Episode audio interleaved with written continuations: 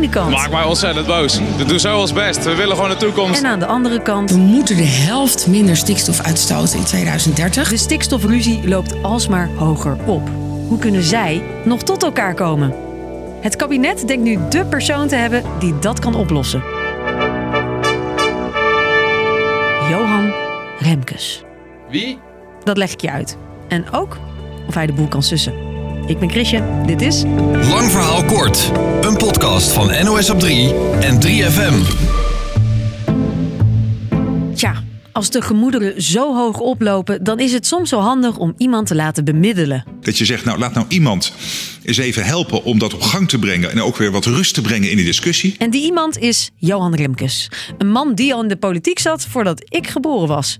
De VVD'er zat onder meer in het provinciebestuur van Groningen, in de Tweede Kamer, was staatssecretaris van Volkshuisvesting, minister van Binnenlandse Zaken en ook vicepremier. Zo Maar waar we hem ook van kennen. Ja, hij is wel de nationale brandjesblusser. Hè? Bestuurlijk zwaargewicht. Hij heeft natuurlijk ook bewezen in moeilijke situaties te kunnen opereren. Je weet maar nooit wat Remkes voor elkaar bokst. Want het is niet voor het eerst dat de telefoon van Remkes rinkelt als er een probleem moet worden opgelost. Als zo'n telefoontje komt, dan kun je niet nee zeggen. Zo kwam hij to the rescue in Den Haag toen de stad na een crisis in de gemeenteraad zonder burgemeester zat. Je moet op gezette tijden je verantwoordelijkheid nemen. Bemoeit hij zich met de gasproblemen in Groningen. Er zijn hier een aantal dingen misgegaan waar met geswinde spoed aan gewerkt moet worden. En misschien het meest vers in het geheugen. Weet je nog dat het zo mega lang duurde voor we na de verkiezingen een kabinet hadden? Muurvast zat de formatie.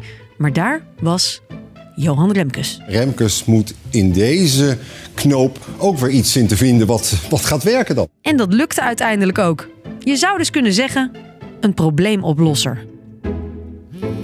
En nu hangt het kabinet dus weer aan de lijn voor de stikstofcrisis. Aan Remkes de taak om ontevreden boeren en de politiek Voorzitter. bij elkaar te brengen. Voor sommige boeren hebben de stikstofplannen grote gevolgen. Zij moeten krimpen of zelfs helemaal stoppen met hun bedrijf.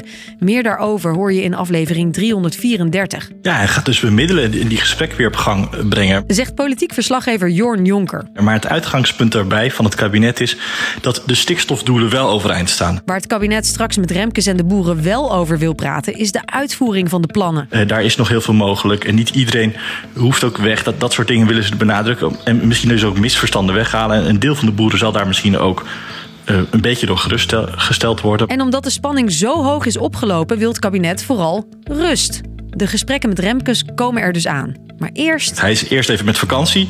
Dan begint hij met de voorbereidingen pas over twee weken. En dan in half augustus, dan moeten die gesprekken beginnen. Nou ja, en de bedoeling van het kabinet is, door deze, uh, dit tijdspad zo te kiezen, is dat er voorlopig even rust komt. Iedereen ziet Remkes als de toekomstige held van deze crisis. Ja, dan gaan boeren niet uh, opkomen draven op audiëntie om een bakje thee of bakje koffie te gaan doen. Dan hebben we belangrijkere zaken te doen. Sommige boeren vinden het onbegrijpelijk dat juist hij de bemiddelaar is. Want in 2020 zei Remkes nog... Dit is een noodzakelijke opgave, want niet alles kan overal. Hij was toen voorzitter van een stikstofcommissie... en oordeelde dat het kabinet te weinig deed tegen stikstofuitstoot. Dus dit is een gekke keus, vindt boerenactiegroep Agractie. Juist uh, waarbij de verschillen tussen het kabinet en landbouw zo groot is, om dan iemand neer te zetten die als architect gezien wordt binnen de agrarische sector van het hele stikstofbeleid. De vraag is dus, kan hij wel neutraal zijn? Als jij in een huwelijkscrisis zit en je schakelt een mediator in.